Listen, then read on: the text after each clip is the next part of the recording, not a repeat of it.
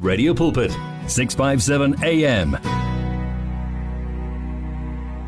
bambelela kuye ikakhulukazi lapho wena sowuphelelwe ngamandla lapho wena eh songazi nje ukuthi ikuphi la ongaya khona iya kuJehova ungambalekeli kodwa balekela kuyena besho la ke eh mm GNF Gospel Choir ihambe njalo ke three songs in a row ya GNF Gospel group bethi nguwe umhlobo wami kanti ke phambi kwabo ngikubusise ngo ngo Nicole C Mullen ethi my redeemer u Dr Dumi naye washo kahle ethi i keep winning ihambe njalo ke i three song i three songs in a row singena ke esigabeni ses bili njoba ke kwamanje um imizuzu ithi 16 after 3 o'clock asijule ezwini uma usanda kungena siyakwamukela usekhaya awulahlekile eh uyazi ukuthi siphathana kahle yonke into idingayo ikhona la ekhaya ikakhulukazi uthando ngoba yonke into enhle bazalwane iqala othandweni uma uthando lungekho ngeke ubone nje ubuhle ngine couple enhle la njoba ngithembisile eh ubongani the author ngiyathemba niyamkhumbula bazalwane eh wake wafika la kodwa ngaleso sikhathi beka yedwa eh, ithi ngithi la emoyeni ngoba hey bona kile nala le munwana le couple labe khona nje bawu2 abahlukani eh yazi iglu nje le kodwa into engiyithanda impela so sizozwa nje uhambo lwabo ukuthi mm, eh kube njani lapho beqala behlangana bahamba kulolo ku- kulolu hambo lothando baze bangena eh kule journey yomshado sanibonani beautiful couple siyanibingelela nonke emakhaya Sabona sisibahle nabalaleli emakhaya. Mm siyabonga ukuthi sibe nani uyazi si- sivala lenyanga ka ka February kunyanga yothando ngendlela enhle mangethe mama last time ula bositshela ke nge my burning bush yes namhlanje liyashintsha igiya ngoba ngeke sihambe ngo1 Yes. kumele singene ku2 singene ku3 but ngiyabona ukuthi singathi thina sesijampile ku6 yes sihamba ngevuruphama nje siyagijima siyagijima kakhulu yebo mm um sizandi Yebo sisibahle. um kunjani kodwa kuba nomyeni ofana no eh eh, ubongani Ooh. um Hey ngabuseka kakhulu sisibahle I don't want to lie. Um yeah, u u sweet, u sweet kakhulu. Mm. Eh even though nje eh, unokuba over sweet.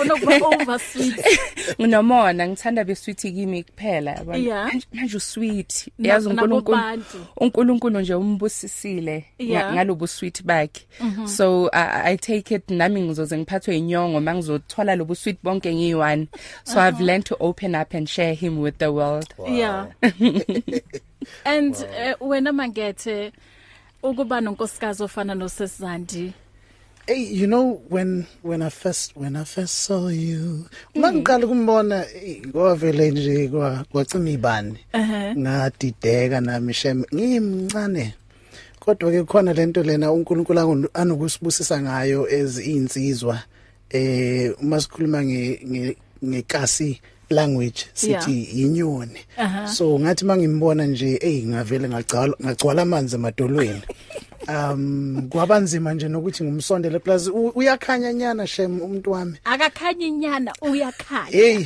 yeah so so what a vela i remember very well uh besakhonza kulinye ibandla lokhu yakudalo what a vela nje you know kwaba khona abantu abaningi abathi awunkosi eh inkosi uyabhekelana bambona engena esontweni and there was just nje a lot of queues bekune traffic jam Yeah. abantu bagijimela kule ntombi emhlophe hayi ngase ngadecide ke ukuthi mina eh ngizolinda yeah ya yazi sasuka isiphithiphithi sasuka isiphithiphithi sathi masukile ngamlanda Yeah. yeah and and and the rest as they say eh, it's history, It's eh, history, we, yeah. we here namhlanje we are we are amazed at uthando lukaNkuluNkulu when we started out actually we started in an unconventional way mm. you know it was not how lovers start out mm. you know and uh, there was a lot of questions around me and her being together mm. you know growing up in the Christian um environment um there are certain ways that you're expected to do things yeah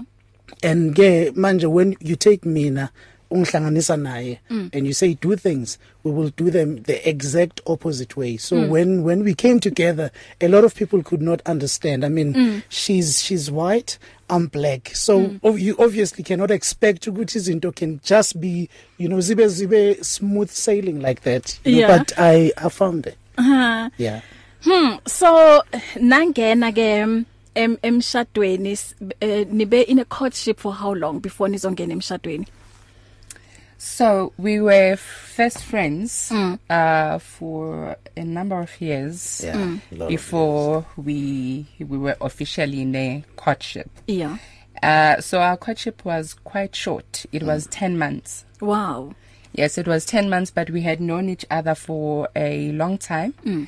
Um, I think what brought us even closer together was our love for music. So we used to sing at church. He was my. uyacula kanti Zandi we yeah she sings she's my alto this one Really? yeah she's my alto Mos bekumele eh, lento ngiyicelile le eh, esizoba surprise ngayo bekumele niyenze noyithu mhm yes bayizoba mnandi Ah, so balungisela next time. next abalaleli. time ne yes, so um, Yeah. yeah. he was actually my worship team leader. Mm-hmm. So we spent a lot of time together, but as friends, purely as friends. purely as friends you know um you since besariheza you know we Yeah. we used to spend a, a lot of time together with our other friend u- uzabe sicula naye and then eh njoba asho nje naye ukuthi amanzi hey wayegcwele emadol- emadolweni you know life continued and we were just friends for a long time and when we I I suppose when it was God's time, mm. then nothing could keep us apart. Mm-hmm. You know, uh, i- i- 10 months was more than enough for us to make things official. so wathini wathi mazwa eh wathi eh Zandi mina sengifuna ukube ube unkosikazi wami U- Oh, ungahleka mangakutshela how the proposal went. iyona ngiyalapho It, vele it, it wasn't your your normal romantic Typical. restaurant mm. yeah proposal. It was back then we we used to uh, speak kwakuyini uh, that airtime boyithola ebusuku. Yeah, hour yeah, yeah, Are you free or you dumb? Power it was hour. something like yeah, yeah it was power some, hour. something like that. Yeah. yeah, I think they, yeah, one of the networks. Uh-huh. So what we use the same networks. So babili. So what we do is we both recharge so that uba ne hour, li free nam ngiba ne hour. and this is and iqala after 12. ngo 12. Yeah, Yeah, this is beqala- after 12. Beqala ngo 12. benikhuluma after 12 Yes. until what time So ngo 12 eh he calls me until ngo 1 maphele yakhe maphele yakhe I call him from ngo 1 until ngo 2 Yeah.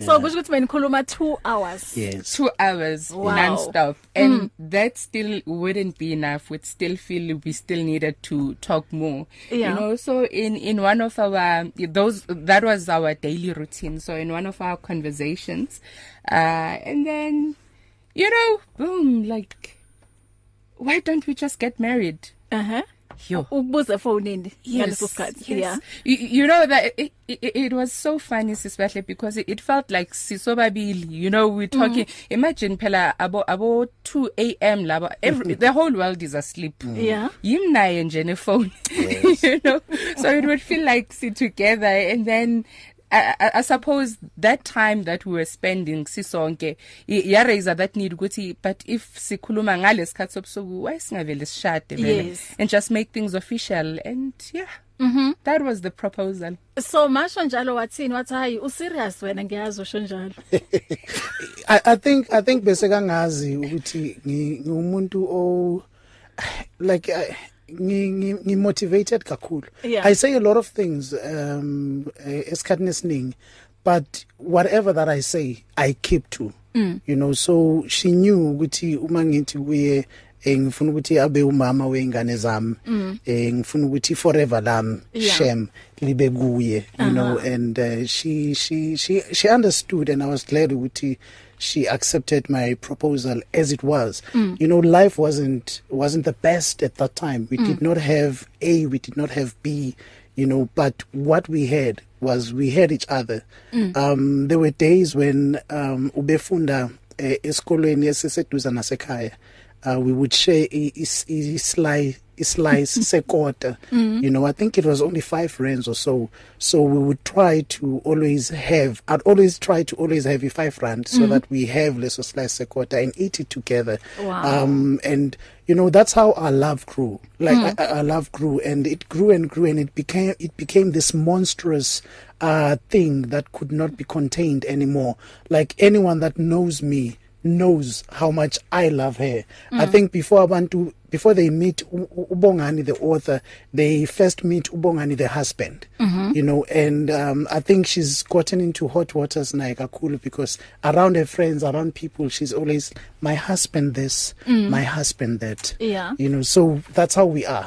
Mm. crazy in love like that crazy in love crazy in love wow 26 um after 3 o'clock nginomndeni la waka Zwani uh, uzanti Zwani kanye nobongane Zwani nje uh, besi um besisherela nje ukuthi uhambo lwabo lothando luqale kuphi so far ngingasho nje ukuthi yeah what a beautiful love story um mangethe mama wenza ama poem yes and eh, ngacela ukuthi uyazi njengoba ngizoba nani la ohlelweni um awushayile nje i poem emnandi eyothando and wakwenza lokho so ngicela ukuthi ngishare nabalaleli imani kancane imani kancane man enhle vahe big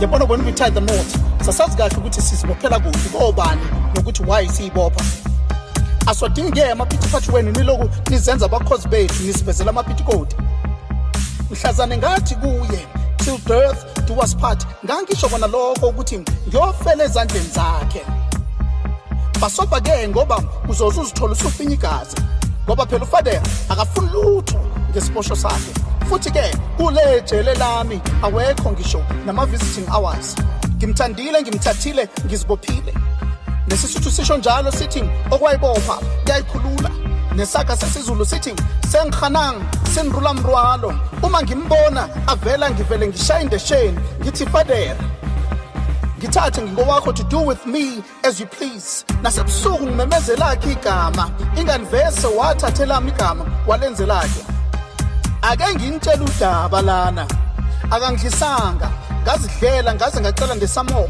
kwasho vese ukuthi ngamthanda kakhulu after that noma usungavela wena nama-heels wakho nesigcebe kodwa ngayicelela labo zankosi engiboshwe ngabo ngiyalithanda leli jele lami nasebusuku angilali ngedwa kulo futhi nje orange is the new black musani kuloku nisola ingane yabantu ngokungiphathiswa kweqanda imali kancane enhle ngi-grand ngani like i said before i'm doing my time and if ke yanazi forever is a very long time ngavela kamantshi kwasho ke wangishaya ngodili kajele life without parole ngeke futhi ngikhishwa nayi-good behavior kuleli jele lami imali kancane enhle ngishilo ngi-grand ngani sengimtholile umaqondane wami noma ngingaqondile kahle hle nami nginamaphutha ami ungithanda nginjalo udali futhi nimane niyasho nje nifuna ukungimoshisa ngoba nasebusuku anibuthi quthi ubuthongo nifisa enginako kodwa anizimisele ukukhokhela inani Whatever that the Lord has put together, let no one dare put asunder. I said I do, futhi I do kayi two ke for your information. Sondela ngikutshele ngejele lami, usofa silahlane wami. Ngiyamthanda lo muntu, inhliziyo yami isiphenduke isigcila sakhe.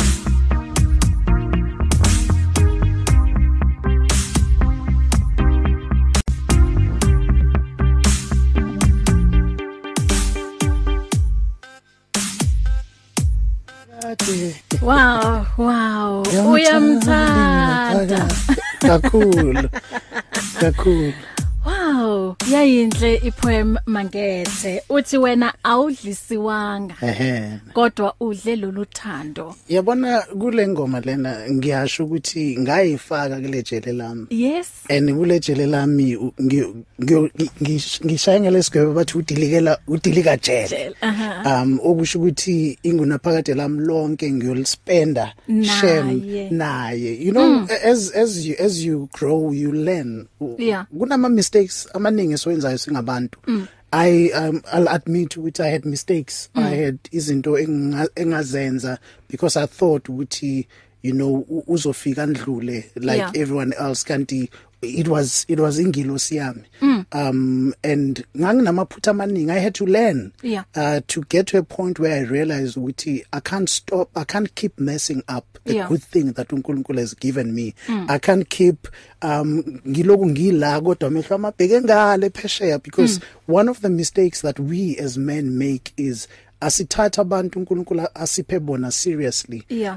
asibahloniphi um and by introducing uh, abanye abantu noma e- e- ama ama a foreign uh, things or foreign people mm. then it becomes inkinga kuye mm. you know so when i said that i said imani kancane i said i'm like you know it's as if i came to a part where i i my mind was made up ukuthi i'm done this is this is who i am mm. i'm he- i'm hers and i'm hers for life and mm. sihlanganiswe uNkulunkulu futhi i don't have intentions ukuthi ngelinilanga ngingasabi naye mm -hmm. you know so that's mm -hmm. what it means the gist Mm-hmm. That is of the why poem. usho ukuthi noma bangeza ngama eh, stiletto abo Yes.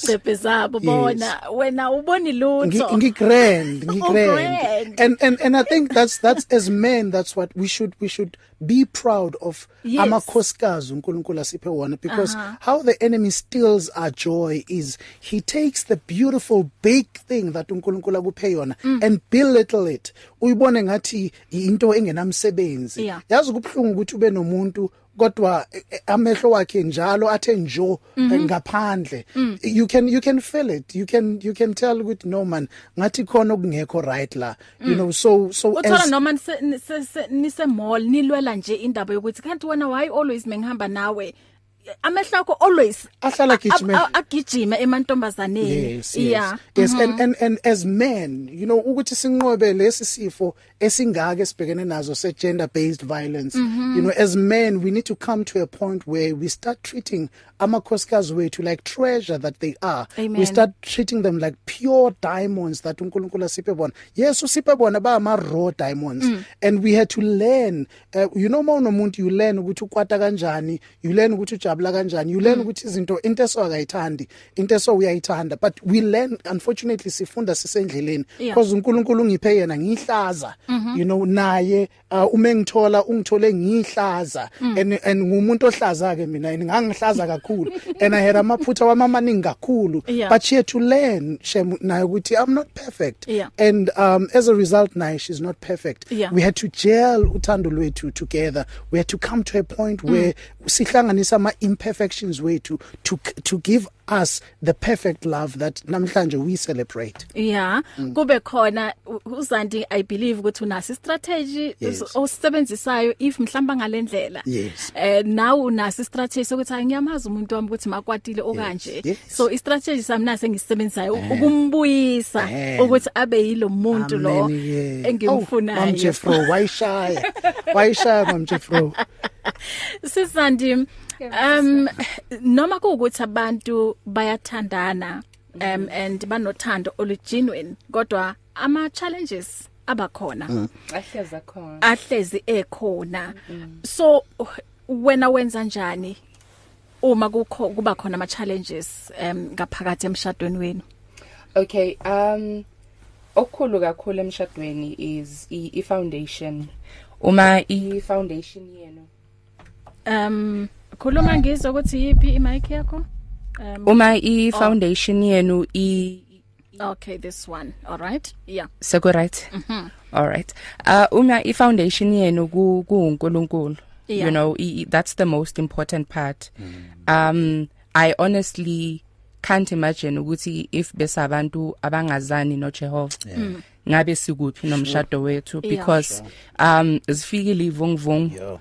yafika imimoya yashaya you know we've had serious storms in in in our lives in in our marriage and if isisekelo sethu bekungasu uNkulunkulu uh ngabe kade ya ya ya ya crasha lendiza you know um we wouldn't be here today we wouldn't be here uh celebrating uthando lwethu nabalaleli emakhaya uh almost 11 years later Wow.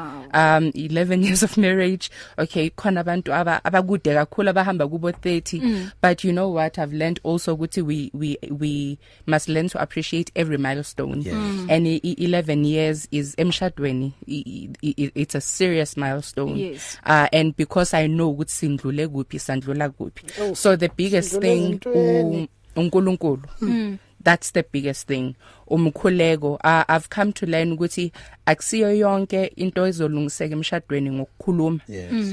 nangokuconfrontana Yes. you know some of izinto i mean uNkulunkulu is the creator of man uh who better to know inhliziyo yomuntu than him Yes. you know so khona izimo that i don't need to confront my husband ngazo but i go to god in prayer and say inkosi nangu myena ongipheyela uya ku ku war room yakho Mm. yes yes you know so khona izinto ekumele uyinqobe eh, emfihlakalweni noNkulunkulu Yeah. because if you were to take them to uh umuntu wenyama umuntu wenyama unama feelings uzo react mm Mm-hmm. -hmm. you know and some of izinto ungathi uzibeka i- in the most genuine way meaning no harm but because eh i- i- di- i- i- im- im- im- impacta directly Yeah. uthola ukuthi u- useyanyatheleka uthola ukuthi uso usobe umuntu okhulume into angayithandanga and wet stay Mm. Yeah. Mm, you know wet stay sometimes uzithola usho igama u- u- ungazimiselanga Yes. it wasn't your intention kumlemaza umuntu but umuntu uthola ukuthi uyalimala and ahlale nalelo gama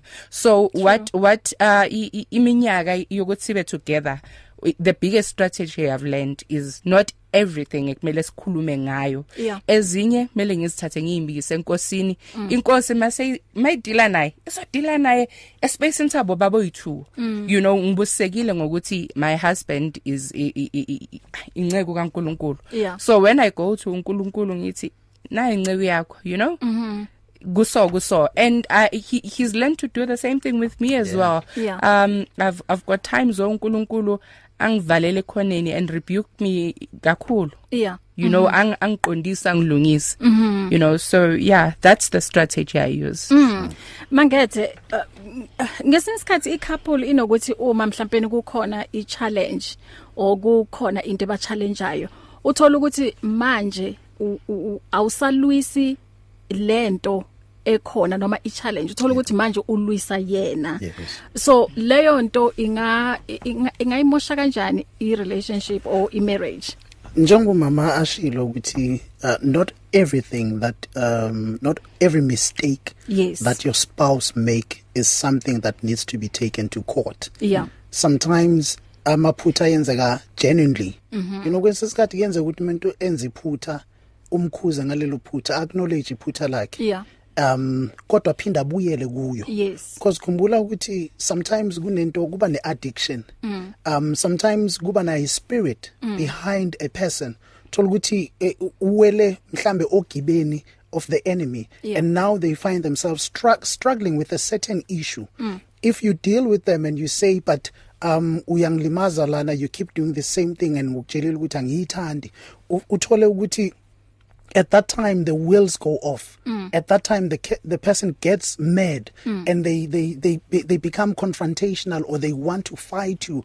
mm. Ob- a- and obviously you are pointing out ama mistakes are obvious mistakes that yeah. Yeah. can be seen ukuthi and and that's the thing about u- Satan makangichallengile mina as a man mm. what he does is he teaches me to hide and ungifundisa ukuthi ngiyifihle entweni engekho you can tell you can say to me but ngiyabona hey budi ngiyabona ukuthi kusola and mina ubhuti lokuthi hayi cha akukho njalo Yeah. kuloku kunjalo you know so that's why i- i- indlela of of approaching each other as lovers ibalekile kunezinto ekumele sizikhulume sijabulile kunezinto ekumele sigweme ukukhuluma ngazo more especially if usigwadile and and it's so much important ukuthi sifunde ukuthi mawufuna ukuceba udali e- endaweni right umcebe kuNkulunkulu because God created umuntu wesilisa God created umuntu wesifazane who knows umuntu wesilisa nomuntu wesifazane best than God Yeah. yeah. wena as a person as as a person olimalayo at that particular time yes uyalimala but awazi ukuthi ulinya- ngikulimaza nje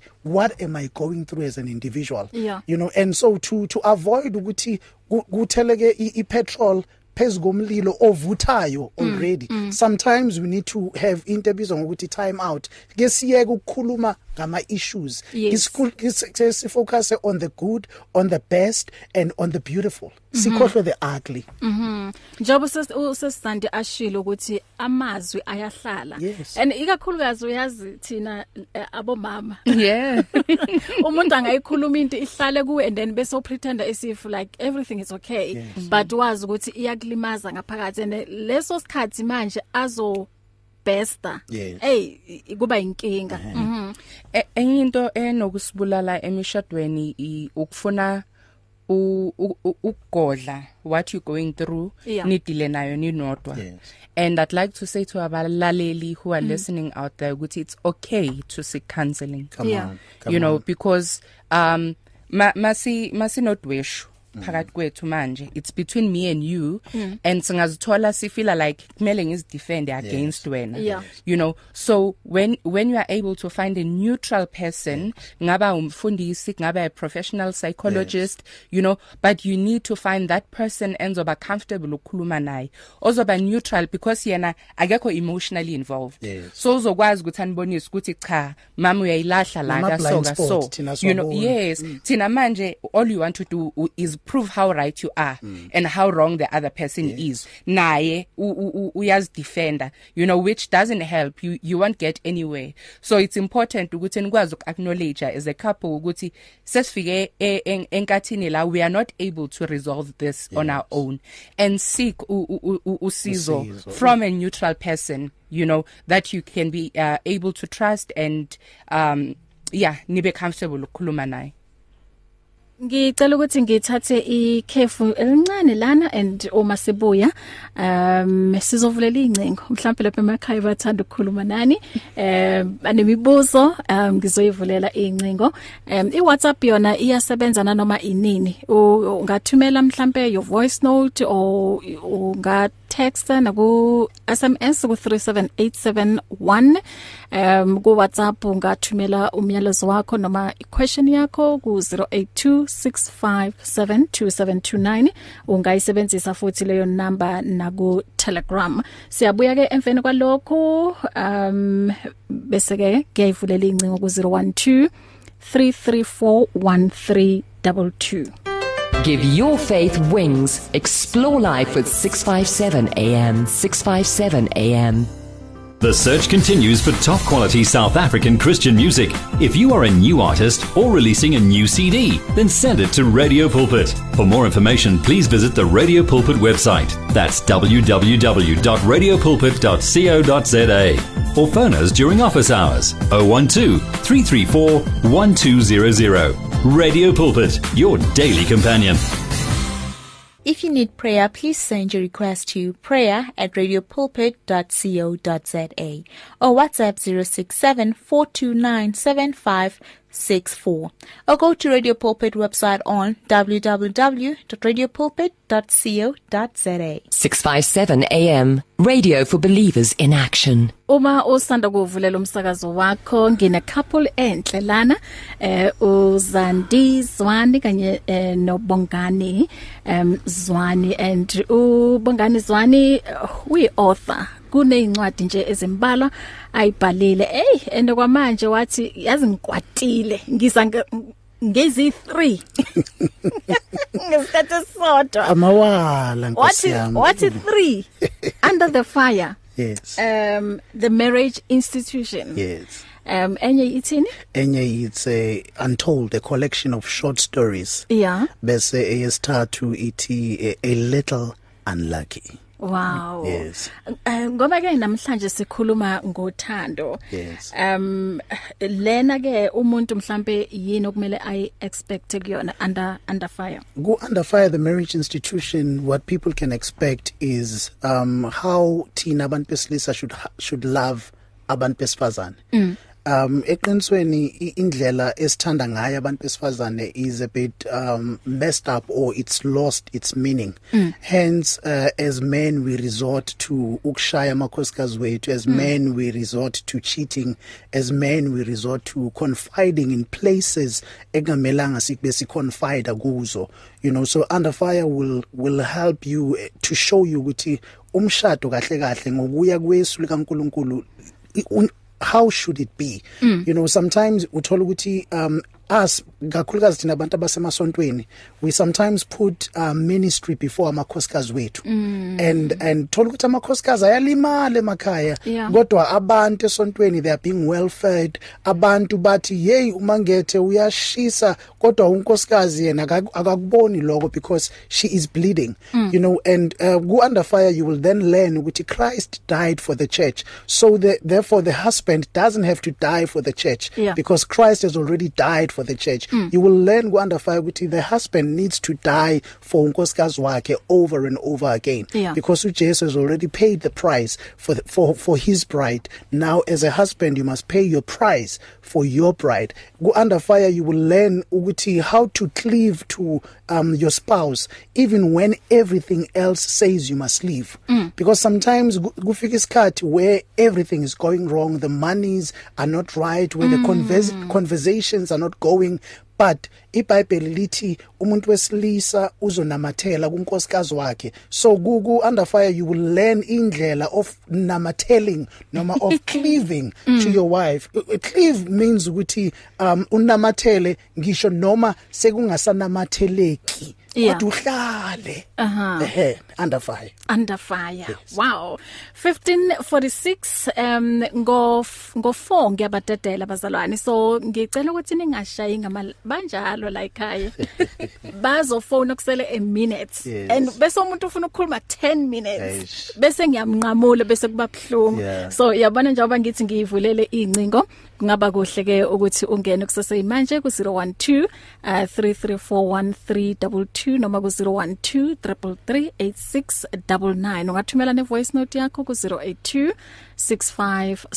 6572729 asibone la umfundisi um Nhlapo uthini uthi hayibo mangethe wena owanqoba is isiphithiphithi uthi siyanithanda kakhulu okhuluma ngalesa siphithiphithi lesiya lesikhathi nisahlangana Yes. babona nje yellow bone uyazi hey kumnyama when- kubo wena wasiqeda lesiphithiphithi Ehhe. okay asize la ukuthi uthini ukhalimambo Asibonge nkosazana sibingelela abalaleli be-radio pulpit isitishi shane lesitisa kamahungulo yokotsima ya Jesu Kristu. Manje ke la nkosazana la emshadweni la ikakhulu emakhayeni la kwakhe khona babe namake. Kunalento lebitha ukuthi sicitho. Lesicitho lesifike sicithe lo mshado lo. Sicithe lo maka, umaka mhlambe uma phethwe kahle ngubabe.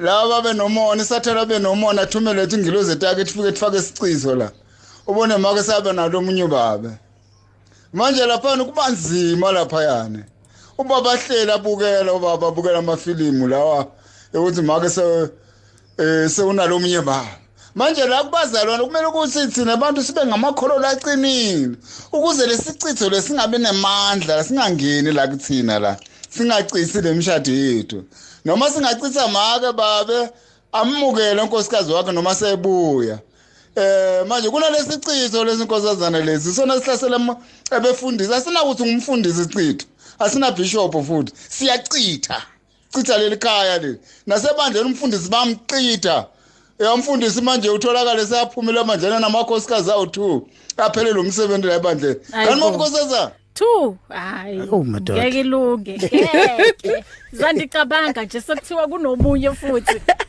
Awu cha isebenzi kanjalo. Ayisebenzi kanjalo. Ay cha angivumi. Hey nangu Neo um Soul Healer. Uthi sanibonani I just tuned in to catch Under Fire. Great to hear my friend on radio. I think I need that book. Uh Mangete, Sisibahle, Sisandi. Hello my crew. hello Neo Hello now the soul healer. Malume Neo. Yes, yes as MJ Ntando would say. Greetings, um, women and men of God. Uthi, I'm just sitting here and I'm listening to the lovely couple. I'm learning so much. I love how Umamzandi says not everything is to be addressed.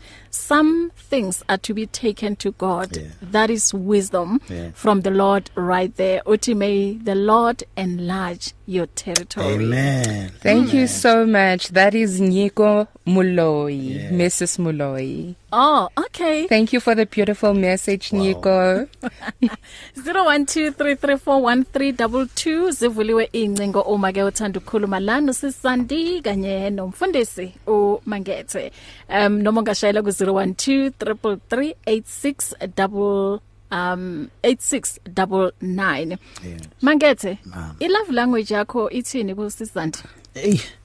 Yabona indaba yamalang yama love language inzima. Mina ngumuntu wamazwi, wamagama. Okay. So e- e- everything that she says to me uma khuluma amagama amnandi, awunkosi yami ngingalanda intaba yonke ngiyilalise phansi flat ngenxa nje amagama. Yeah. So mina ngumuntu osithandela amazwi amnandi. That's Uh-huh. that's my language that that's what I want to receive from her. Okay and then ke yena if ngimbambe kahle nge love language yakhe umuntu othanda uthanda affection uthanda Okay. okay.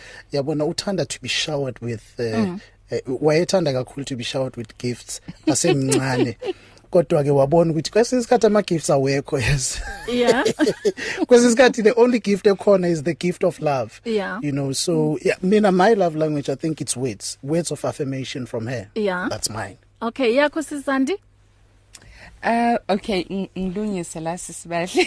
Um okay, what I've come to learn is u- umshado uya evolve. Yeah. You Yeah. know, when we started I was very very young. When we got married I was 21. mm-hmm. shame um, yes approaching 22. Shame. Yeah, I was Isona going singaka. to I was going to turn 22.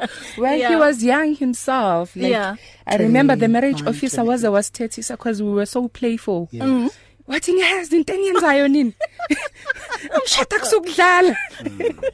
I wish we could meet her today and say hi. We're still sisadlala here. sisadlala nanamhlanje and, and we're still very playful you know Yeah. um i think that's what keeps us together above all siyathanda ukudlala we we really enjoy each other's company mm. but as a schooler um njoba esho ukuthi at first I I loved gifts. Mm. Yo. Mm. Makufika Valentine angathenganga igift. Yo. uyagwada I would get so depressed. Mm. You know, and when I always make sure ukuthi yabo Yes. Valentine wena u- u- u- You know- ukhipha konke you know mm-hmm. but I, i've I, i've come to learn ukuthi "Ay, well i valentine is is not one of those things we celebrate ekhaya yabo Yeah. masi celebrateile kuzoba i surprise si celebrateile but Uh-huh. uh, i've learned ukuthi angisa accept angisa expect anything yabo Yeah. so that if kuyenzeka yeah ing blow away Yeah. than expecting bese ingabi khona S- but njoba ngikhula ke um a- a- a- njoba a- asho ukuthi i love affection mm-hmm. you know I, i i love it when he he shows me affection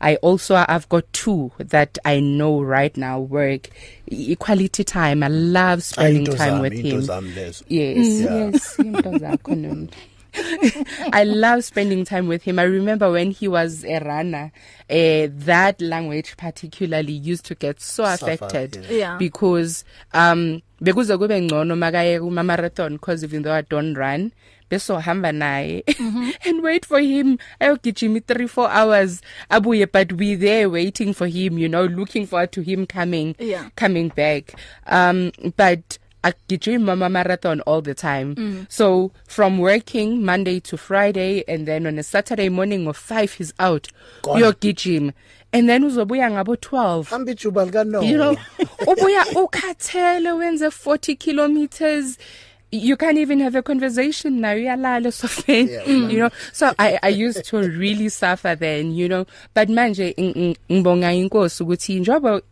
sisho ukuthi ezinye kumele uzimikise kuNkulunkulu uNkulunkulu as address Mm. Amen. Yeah. i don't know what happened mm. but my husband is giving me all the time in the world and wow. i am Wow. so loving it Mangethe a- abantu abaningi bathi imishado ukuze i- ibhidlike um ezinye zezinto indaba yemali. Mm. So when what's your take uma kuzindabeni yemali? you know Mm-hmm. as much as imali kuyimpendulo yakho konke mhm iBhayibheli lithi kuyondlula konke kodwa the only thing that will remain mm. is love yeah you know so uma ngabe imali ihamba nothando Mm-hmm. mhm it's beautiful yeah Um- kodwa uma ngabe imali ku- kuyinto esetshenziswa ukuthi umuntu awine umuntu Yeah. you know ukuthi umuntu athole izinto to be done according to her way or his way mm. then imali becomes a problem Yeah. you know imali is it, though it's an answer to everything kodwa uma ngabe ingasetshenziswa ngendlela efanele Mm. i mean we've we've seen we've seen ukuthi imali ngisho noma ikhona kuma relationships ama relationships ayaphela Yeah. we've seen ukuthi athi noma phela ama relationships anemali phakathi ku- ku- kuvela nawo ganda ganda bazobhiza izindlu you know ngenxa yokuthi Yeah. abantu have taken imali and have made it everything yeah but eh, that's where the mistake is uthatha okugcina ukwenza okokuqala but mawuthatha uthando walibeka phambili imali yalandela yeah yes mm Mm-hmm. -hmm. yes Wow. Um sisandi njoba sibona kule insuku ukuthi um le ndaba yama relationship i- i- ibuyela futhi endabeni yemali. Mm-hmm. Ungathi intsha yamanje babheka kakhulu imaterial yeah and ungathi kune a lot of competition when it comes to this especially young ladies uzofuna ukucompete nama nama PS wakhe and then manje umuntu ugcina angena kuma relationships because of immaterial Yes. yeah. uzothola iweave uzothola um, an iPhone yes. and all those things uzolandwa ngeimoto eh, n- nakho konke lokho what's your advice uh, to these young ladies and angicabanga ukuthi futhi yenziwa i- young ladies only No. even nalaba abakhulile Yes. Yeah. yeah bayakwenza lokho Mm. even men do it now yes even men yes bangena kuma relationship because Mm. Ngemali. abukile ukuthi hey athi okay kungcono ngiyithole iblesser yes Mm. A- Eh, actually i was about to say wangikhumbuza usine wakublessa um yazi ukuthi sisibahle ayikho into emnandi njengokuyithola ukuthi ubani yeah uzazi um when when unento wazi ukuthi you've worked hard for it Yeah. you've earned it Mm-hmm. eh khona a, a sense of um satisfaction Mm-hmm. oba nayo um you you'll never feel satisfied wazi ukuthi une weave uyithole ngendlela engekho right Yeah. there's absolutely nothing wrong with abantu abathandanayo ukuthi bashawarane with gifts mm. as sazi um giving gifts is one of our love languages Yeah. but there's everything wrong mangabe eh now that's mandatory if I akoma gifts if awunginiki imali if awungithengele A no B then this relationship is not happening Yeah. you you, you mm. know uh, akusekho right kanjalo mm. you know uh, ama gifts will come as a show off uh, as a sign of u- u- uthando and appreciation yes. and also ama gifts shouldn't just come from a man angisho si, si sonke in the relationship Yes. so if if you are appreciating me ngama gifts and i love it when you are appreciating me ngama gifts then i should think ukuthi now the other party will will actually love to be uh, shown appreciation not only women should be appreciated mm. it's a relationship see two Yes. it takes two to tango la yeah. mm-hmm. you know y- y- once once uh, as as as a woman or as a man you are sitting there when uyamukela uyamukela receiving end. then, then Always, that yeah. relationship is not working mm. that relationship ifoundation yayo i i- wrong Exactly. altogether mm. so you have to re- relook and ni, ni rearrange eh, or maybe just cut your losses because mm. uh, ayikho right the foundation is yeah. is totally wrong yeah yeah Um sinemizuzu embili ngaphambi kokuthi ke ngindedele ngala asizwe u u- u- uNeo the sekashilo ukuthi sekashilo ukuthi akasho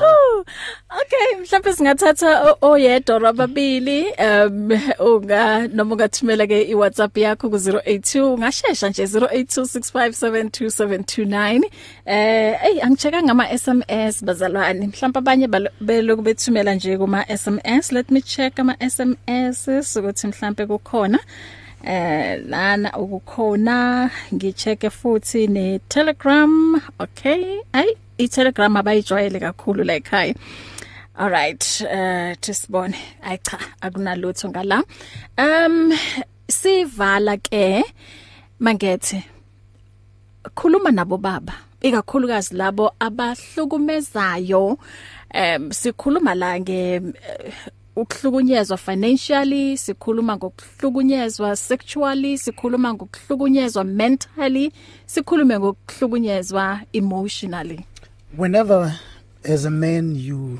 take something forcefully mm-hmm. um then you will not even enjoy the beauty yeah whatever that you have taken forcefully um i'd like to say to men i'd like to say specifically to men um whatever that uNkulunkulu akubekele yona uh sometimes it might require you to wait mm. so when a woman says to you no uno usho ukuthi cha bakithi Yeah. um when when a woman athi cha but uyangilimaza uma wenza kanje take it as uyalimala umuntu wesifazane i think as men we need to ukuthi siphume kulomcabango lo ukuthi yonke into kumele siyithole ngenkani you know abantu bes- umuntu wesifazane yimbali umuntu wesifazane into enhle kakhulu that uNkulunkulu has beautified the world with and umuntu wesifazane aka- a- a- does not deserve ukubekwa isandla uma ngabe enza iphutha noma enza into ofila ngathi akayenzanga ngendlela efanele khuluma naye n- mhlalise phansi ukhulume naye musa ukumphakamisela isandla this thing of men babulala amakhosikazi wabo this thing of men babulala ama girlfriends wabo it must come to an end i think i think kumele sifike i- i- at the time where if umuntu ahluleka ukuba nomuntu wesifazane yekela you will not die but uma ngabe uqhubeka with the, ba- this barbaric attitude with this barbaric spirit evil spirit yokuthi abantu besilisa bathatha impilo zabantu besifazane it has to end um sizandi um asikhulume nabo sisi especially uma kuza ku social media uthola ukuthi ke basebenzisa um ama ama nudes mhm ukuheha abantu be eh, babo baba mhm iadvice ongabanikeza yona i- iyiphi Um okay, u- ubuhle is very good, but ubuhle is not everything. Mm. I think as abantu besifazane if nathi angisho asithandi to be seen as actu- as sexual objects. Yes. Mm. Nathi we should stop also presenting ourselves as such in that manner yo- yokuthi uheha abantu besilisa ngamanudes. Mm. You know, um we need to build ourselves as women eh si sibe accomplished because I, I think I think uh, women resort to that because uh, ba feel like bayashota uma enganandoda uyashota you know you need to get to a point where ukuba nendoda complements the person also uzakhe waba wuye not ukuthi it will define you mm. you know so i- masibuyele masibuyele em- emandulo you know i- i- indlela abantu abadala basikhulise ngayo basifundisa ukuthi iphathe ngayo you know u- u- ukuyihlonipha ukuhlonipha imizimba yethu knowing ukuthi imizimba yethu are the body of the holy spirit mm. you, you know so um u- i- i- i- u- imizimba yethu are not for for for us kahle kahle uNkulunkulu usakhe for himself Ithempeli wasithumela lakhe. wasithumela for u- u- wasithumela for ipurpose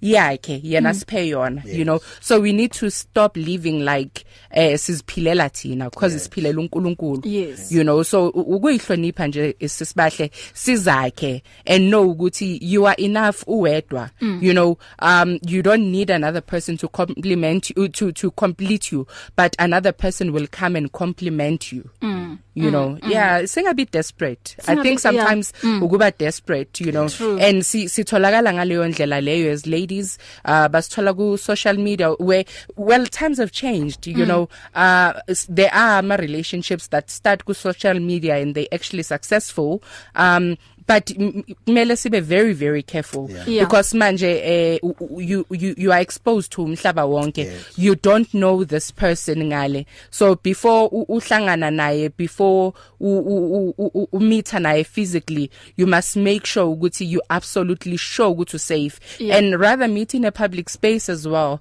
you know i i think that will also help ukuthi abantu besifazane bangalahleki ngendlela Mm. abalahleka ngayo you know uh, it's really really sad what's happening sesibahle Yeah. but we just need to build ourselves as women yeah mangethe sisavala what is love Ooh, uthando is a beautiful gift that uNkulunkulu has given us to enjoy. Mm-hmm. And uh, how do we enjoy love by giving it back, either by giving it back to Him or giving it back to people that he's put on earth empilweni zethu that is love Amen.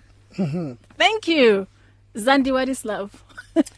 ah you, you know you know u- uthando i i always say ukuthi um the perfect definition of uthando is uNkulunkulu yes. we've got to look at u- u- uNkulunkulu indlela sithanda ngayo yes. you know uh s- we- u- siyamphika uNkulunkulu as abantu uh sometimes when we go through things siyamdoubta you you know sinokukhuluma bad about uNkulunkulu Yeah. Mm-hmm. but he never gives up on us size singene egodini i think that's the true definition of u- uthando Uthando. i always wow. say u- u- umshado um abantu ababili and a- abaxolelanayo yeah. you know Yeah. all the way so uthando uthando is forgiveness mm. you know uthando ukunakekelana mm. uthando u- u- u- ukubeka u- umuntu omthandayo phambili kwakho you know Yeah. put ama feelings womunye umuntu phambili kwawakho mm Mhm. -hmm. you know uh u- uthando is sacrifice Yeah. you know siya- siyabona siyabona eh un- uNkulunkulu is the perfect example of that where he sacrificed his only begotten son mm -hmm. for our redemption Mhm. Yeah. that's the definition of wow. uthando so Yeah. yeah. if we can look at uNkulunkulu as a perfect model of uthando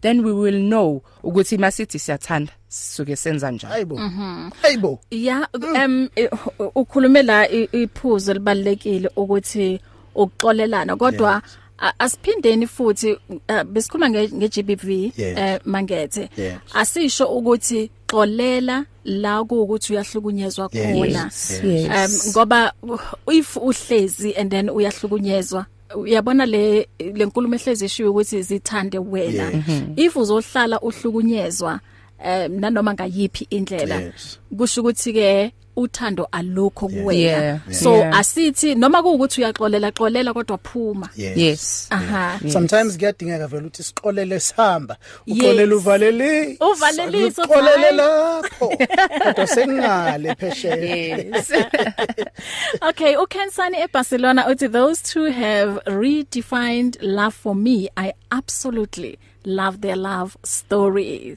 Thank you Sis Kensani.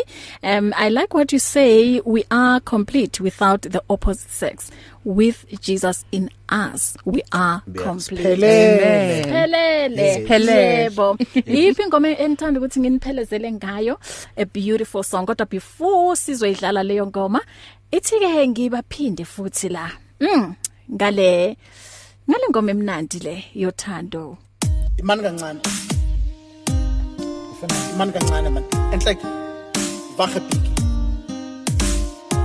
yabona when we tie the knot sasazi kahle ukuthi sisibophela kuphi kobani nokuthi why siyibopha aswadingeke amaphithiphathi wenu niloku nizenza abakhozi bethu nisivezela amaphitikoti mhlazane ngathi kuye till death do us part ngangisho kona lokho ukuthi ngiyofela ezandleni zakhe basoba ke ngoba uzoze uzithola usufinya igazi ngoba phela ufader akafuni lutho ngesibosho sakhe futhi ke kule jele lami awekho ngisho nama-visiting hours ngimthandile ngimthathile ngizibophile nesisuthu sisho njalo sithi okwayibopha kuyayikhulula nesaga sesizulu sithi sengihanang senirula mrwalo uma ngimbona avela ngivele ngishaye indesheni ngithi fadera ngithathe ngingowakho to do with me as you please nasebusuku ngimemezelakhe igama inganivese wathathe lami igama walenzelakhe ake nginitshela udaba lana akangidlisanga ngazidlela ngaze ngacela ndesamore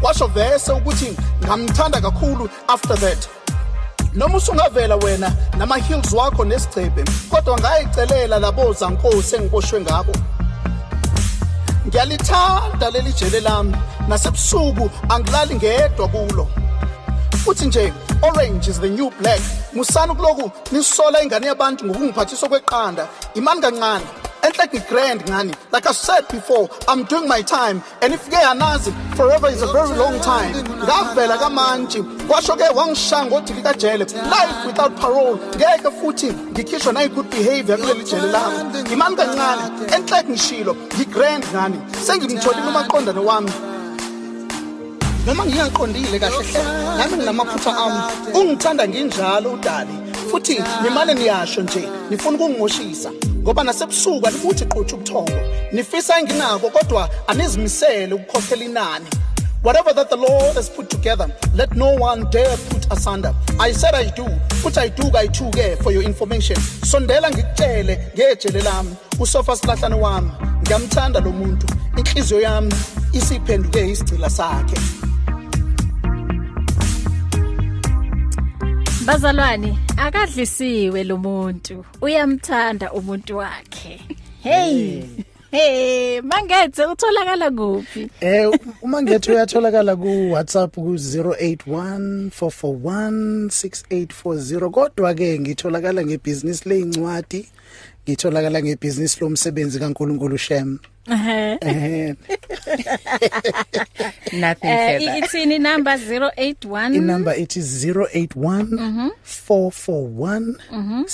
0814416840 umuntu angangithinta uma efuna iunder fire umuntu angangithinta uma efuna my burning bush umuntu angangithinta uma efuna untold umuntu angangithinta uma efuna i a little unlucky Aha. 08144168 6840 6840 yes ma'am eh ba- bakushayele ngey'khathi zomsebenzi Ngey'khathi I mean, zomsebenzi. ngey'khathi ey'sindisiwe eyikholiwe impela ezinojesu yebo eh, ezinojesu amen hayi sesanti wena ngithi awukakabhali incwadi so asikho isidingo sokuthi bayishiye yakho ngithi inamba Cha- bayishiye cha, uyayishiya? hayi, cha, cha. cha yebo Eh. um th- ngiyabonga kakhulu ngibonga kakhulu and then ku social media Uh, thank you for having us Nati. Oh namhlanje siku eh, ku social media ubongani the author yeah I I think kuwo wonke ama platforms it's Bongani the author. Aha. Um so umuntu nje uma ufunile wathi Bongani the author ku Facebook, ku Twitter, uh noma ku uh, Instagram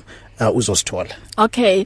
Oh, oh, oh, oh um, Uncle Neo. Yes. Um, he's on Sunday Independent newspaper. So meniphuma la ningene lapha egarage ni. Wow. Nithole wow. the newspaper. na kanjani Wow, definitely will do that. Sizoshaya ne selfie nephepha. Ni- Nifike nibonise eh eh, eh, abo oh, bani MJ nithi nangu ke u Uncle Neo. Yes. We'll- Yeah. We'll, we'll We'll do definitely do that.